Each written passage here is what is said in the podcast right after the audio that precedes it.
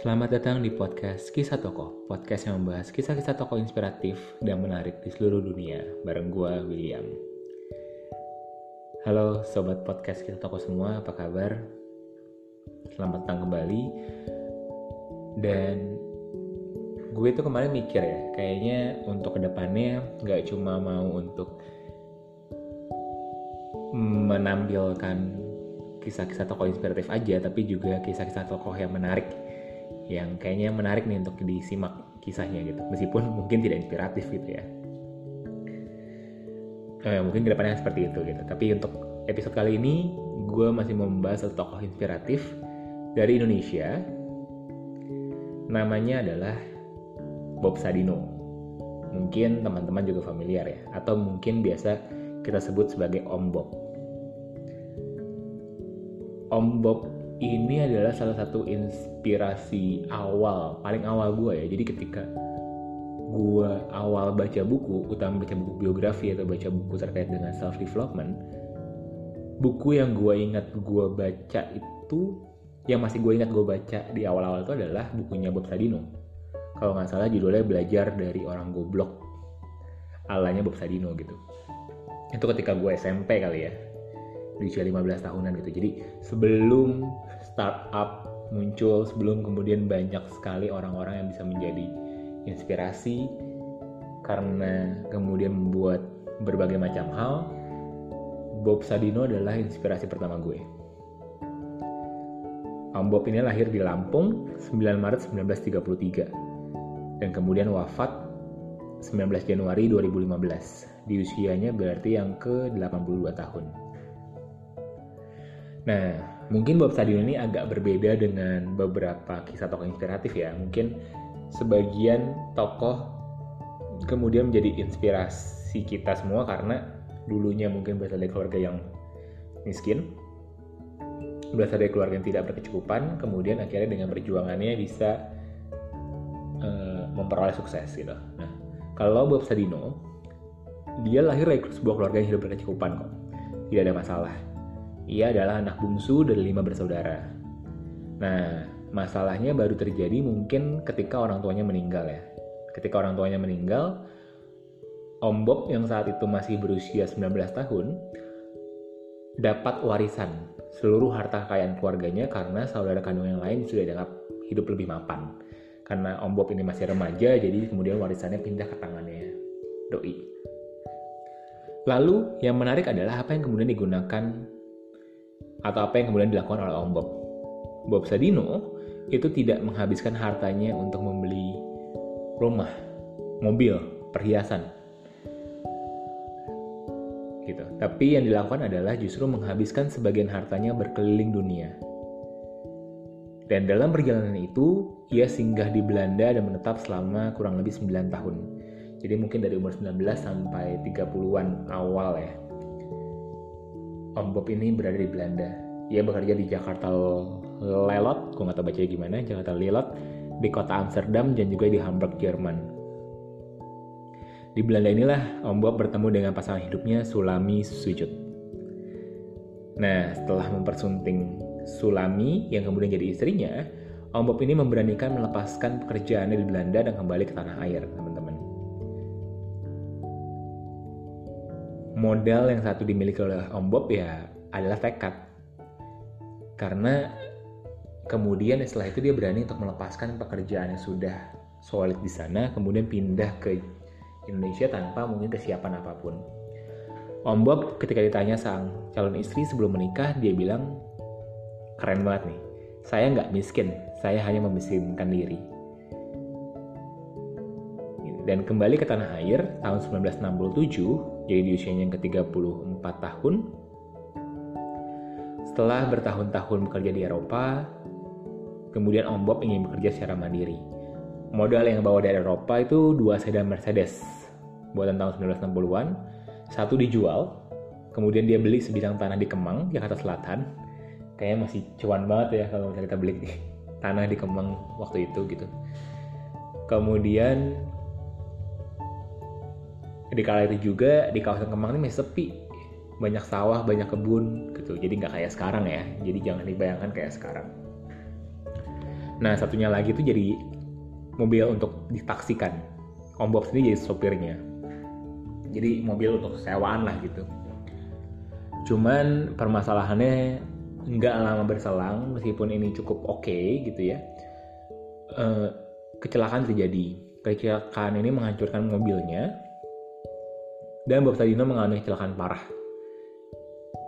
Waktu itu Om Bob, Om Bob mengatakan hati saya ikut hancur bersamaan dengan kehancuran mobilnya. Ya iyalah ya, karena ini adalah satu-satunya mobil yang kemudian bisa menjadi mata pencahariannya dia. Hingga akhirnya kehilangan sumber penghasilan membuat Om Bob merendahkan dirinya dan kemudian lantas bekerja sebagai kuli bangunan. Padahal, teman-teman semua, kalau dia mau, istrinya ini sulami sujud, Doi ini berpengalaman sebagai sekretaris di luar negeri, jadi memang punya kepintaran, punya pendidikan yang cukup memadai sehingga bisa menyelamatkan keadaan. Tapi Om Bob waktu itu bersikeras, sayalah kepala keluarga, saya yang harus mencari nafkah. Jadi kemudian Om Bob yang berjuang untuk mencari nafkah dan menjadi tukang batu teman-teman. Gajinya ketika itu hanya 100 rupiah. Dan hingga akhirnya dia pun depresi karena mengalami kesulitan keuangan. Nah, di kala depresinya inilah temannya Om Bob, namanya Sri Mulyono Herlambang, itu nawarin Om Bob di mana kalau lu nggak mau depresi, lu coba deh melihara ayam. Jadi awalnya tuh memelihara ayam tujuannya adalah untuk ya supaya lu ada kesibukan deh gitu dibandingkan nganggur, supaya lu uh, bisa nge-refresh pikiran lu gitu ini awalnya dijadikan Om Bob sebagai pelarian supaya dirinya tetap waras. Mungkin kalau tidak ya Om Bob bisa jadi stres, depresi juga gitu. Dan inspirasi ternyata bisa muncul dari mana saja teman-teman. Inspirasi usaha Om Bob ini muncul ketika dirinya memperhatikan si ayam yang ia pelihara. Kemudian Om Bob pun uh, kemudian mencoba untuk menjual telur ayam keliling. Jadi ayam yang kemudian dipelihara ini telurnya itu dijual. Selain itu juga dia menjual hasil eh, telur tersebut ke beberapa eh, rumah di komplek perumahannya sendiri. Nah, waktu itu meskipun memang masih banyak kebun sawah, tapi ya Kemang sudah menjadi kawasan elit dan banyak sekali ekspatriat yang hidup di sana. Jadi tidak terlalu sulit sebenarnya bagi Om Bob untuk kemudian pada akhirnya bisa menjual telur ayam keliling sebagai peternak ya. Karena memang pangsa pasarnya sudah ada.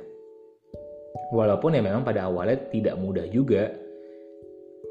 Beberapa kali pasangan ini dicaci maki ataupun tidak digubris, dicuekin oleh pelanggannya, dimarahin oleh bahkan pembantu rumah tangga dari rumah tersebut dan lain sebagainya dan kemarahan atau omelan yang kemudian diperoleh Om Bob dan istrinya justru membuat mereka semakin tough dan mereka berupaya untuk memperbaiki pelayanan yang diberikan. Dan pelan-pelan telur ini mulai terjual, terjual, Om Bob sudah mulai dikenal sebagai penjual telur yang berkualitas. Dan setiap hari dia mampu menjual beberapa kilogram telur. Dalam tempo satu setengah tahun saja, ia dan istrinya punya banyak sekali pelanggan, terutama orang asing karena apa? Karena mereka bisa bahasa Inggris. Dan ini sangat membantu untuk komunikasi dengan ekspatriat di wilayah Kemang tersebut.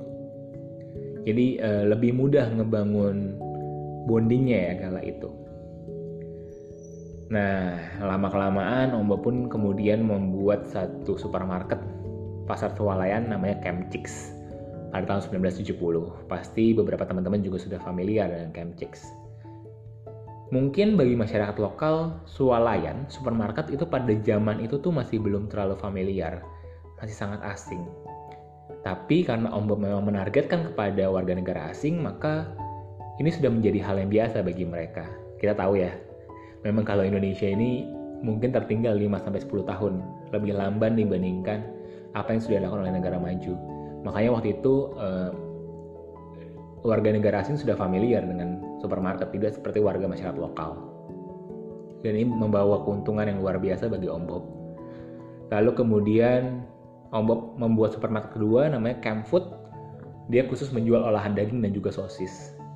Jadi cerdas ya. Om Bob ini sebagai orang yang cerdas, dia bisa melihat peluang setelah laku nih. Camp Chicks fokusnya pada ayam, telur, hasil produksinya dan juga daging ayamnya. Ia juga membawa Camp Food untuk olahan daging dan juga sosis. Nah, 10 tahun berselang, kembali buka supermarket baru namanya Camp Farm. Ini penjualan sayur terbesar daerah Semarang. Tujuannya mulia, teman-teman. Sebelum ada socio enterprise gitu ya, sebelum ada wirausahawan sosial, mungkin Om Bob sudah melakukan hal ini terlebih dahulu. Jadi tujuan bikin Camp Farm adalah supaya mereka dapat bekerja sama dengan petani lokal yang ingin mengembangkan usahanya. Supaya nanti petani lokal ini bisa punya market lah, bisa punya pasar. Dan Om Bob ini juga pionir dalam memperkenalkan sistem tan tanaman hidroponik dengan memanfaatkan tempat seadanya. Jadi semua sayuran yang tanam tidak berada di tanah, melainkan menggunakan pipa-pipa yang telah dimodifikasi sedemikian rupa. Gitu. Jadi ya mulai cukup banyak ya. Kemudian uh, bidang usaha yang digeluti oleh Om Bob. Tahun 1985 teman-teman berarti di usianya yang ketika itu 52 tahun Rata-rata per bulan perusahaan Om Bob bisa menjual 40 sampai 50 ton daging segar, 60 sampai 70 ton daging olahan dan 100 ton sayuran segar. Dan apa sih alasannya kemudian Om Bob bisa jadi, jadi kayak gini? Om Bob ngomong kalau misalkan saya hidup dari fantasi. Alasannya bisa melakukan hal ini karena saya berimajinasi. Om Bob berimajinasi, punya pemikiran yang luas dan kemudian diimplementasikan. Nah, sampai akhir hayatnya, Om Bob punya 5 perusahaan yang bergerak di berbagai bidang. Jadi ada Camp Food, Camp Farm, lalu juga bikin The Mansion, apartemen dengan 180 unit kamar, dan Camp Travel, juga bikin bisnis travel.